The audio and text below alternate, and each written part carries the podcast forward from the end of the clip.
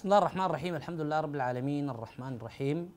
مالك يوم الدين. إياك نعبد وإياك نستعين. اهدنا الصراط المستقيم صراط الذين أنعمت عليهم غير المغضوب عليهم ولا الضالين. الإخوة الكرام يتواصل اللقاء في هذا الباب الكبير. ونريد أن نلملم أطراف الحديث لنصل إلى النتيجة وهي أن النبي عليه الصلاة والسلام لم يكن معصوما في مقام النبوة. وإنما كان معصوما في بلاغ الرسالة. يا أيها الرسول بلغ ما أنزل إليك من ربك وإن لم تفعل فما بلغت رسالته والله يعصمك من الناس.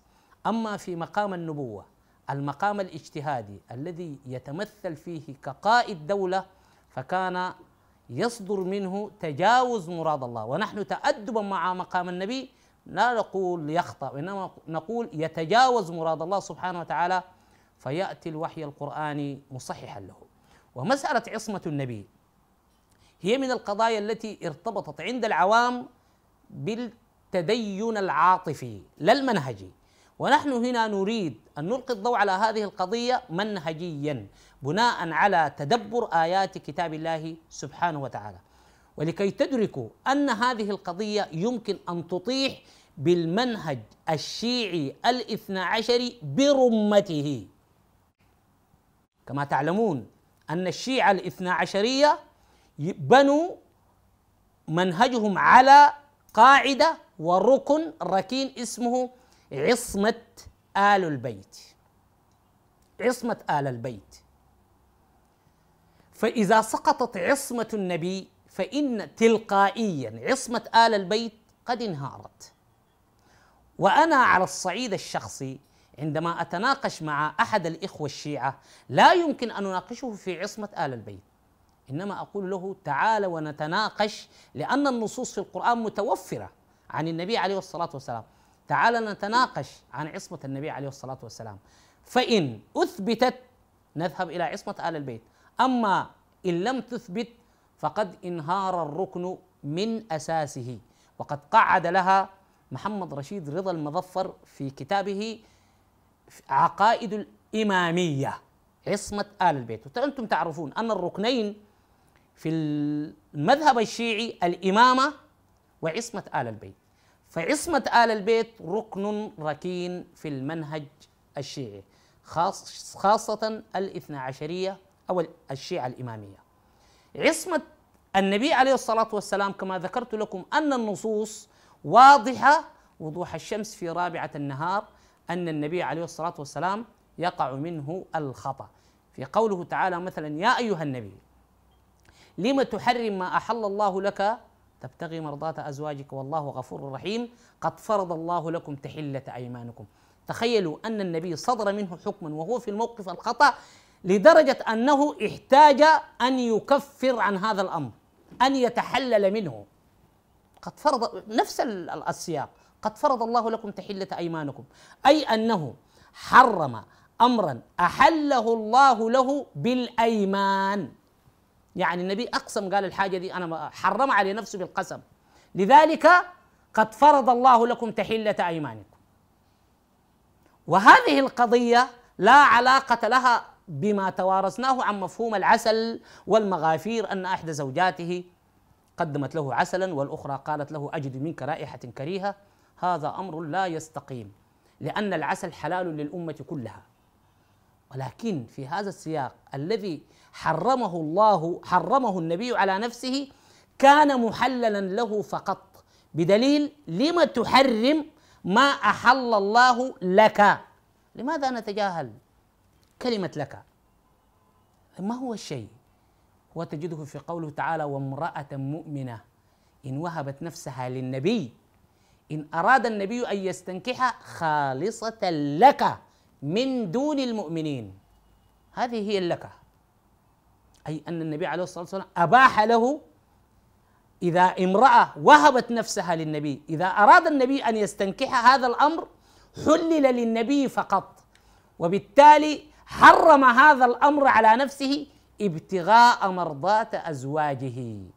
وكل أزواجه المغافير كان خاص بجزء منهم لأنه هي واحدة من أزواجه أدته عسل لو صحت القصة. والثانية ما رضوا الموضوع ده لكن هنا قال تبتغي مرضات أزواجك. إذا هذا الأمر الذي حرمه النبي على نفسه كان يبتغي مرضات أزواج كل الأزواج. وهو أنه بدافع الغيرة أن لا يدخل امرأة أخرى إلى ساحة أزواجه. يا أيها النبي لم تحرم ما أحل الله لك تبتغي مرضات أزواجك. وذكرنا أيضا أن كلمة لما لا تقال إلا بعد وقوع الحدث. عفى الله عنك. لما أذنت لك حتى يتبين لك الذين صدقوا وتعلم الكاذبين.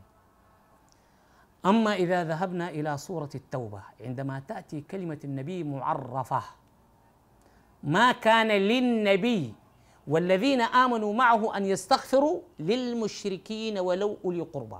هذا التركيب اللفظي في هذه الآية يختلف عندما تأتي كلمة نبي نكرة. ما كان لنبي أن يغل. هذه صيغة تحذيرية لا تحتم وقوع الحدث. ما كان لنبي هنا جاءت نكرة لا نحتم أنها تخاطب النبي عليه الصلاة والسلام حصرا. ومن الممكن أنها تشير إلى نبيين قد سبقوه. لذلك هي صيغ تحذيرية. ما كان لنبي أن يغل ومن يغل يأتي بما غل يوم القيامة. وفي سورة الأنفال ما كان لنبي أن يكون له أسرى حتى يثخن في الأرض. هنا نقول المخالفة لم تقع من النبي إنما هي صيغة تحذيرية للأصحاب. لأن الآية ختمت بقوله تريدون عرض الدنيا. هل النبي يريد عرض الدنيا؟ هل النبي يريد الدنيا؟ إنما وقعت عن الأصحاب عن الصحابة في أول غزوة كانوا إذا رأوا أحد من المشركين ميسور الحال ويمكن أن يفتدي نفسه بمال كثير كانوا يستحوذون عليه مخافة أن يقتل حتى تتم الفداية هنا دخلت الدنيا يا جماعة هنا دخلت الدنيا ولو استقرأ لو حاولنا استقراء الآيات من سورة الأنفال تتضح وحتى في كتب الروايات والسيرة نفسها أن مثلا عبد الرحمن بن عوف عبد الرحمن بن عوف عندما وجد أمية بن خلف حاول أن يحميه من القتل وكان بلال رضي الله عنه يراه ويقول أمية رأس الكفر لا نجوت إن نجا. حتى أن عبد الرحمن بن عوف أكب عليه ليمنعه من سيف بلال. فظل بلال ينخسه بالسيف من تحته حتى قتل. لماذا؟ لأنه كان صاحب سعة من المال. أنا لا أريد أن أدخل في هذه التفصيلات التاريخية ولا يعنيني الأشخاص وإنما أتقيد بقوله تعالى تلك أمة قد خلت لها ما كسبت ولكم ما كسبتم وإنما نحن نشير إلى ما يتوافق مع هذه المنهجية. نعود إلى الآية من سورة التوبة.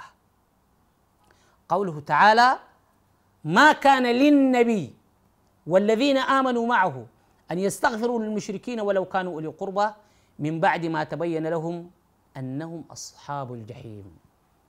هذه الآية لها من الدلالات والمفاهيم ما لا يمكن أن يتصوره شخص خاصة أنها ربطت بين إبراهيم عليه السلام وبين النبي عليه الصلاة والسلام وهذا ما سنتطرق له بشيء من التفصيل في الحلقة القادمة. إلى أن ألتقيكم أترككم في حفظ الله ورعايته. السلام عليكم ورحمة الله تعالى وبركاته.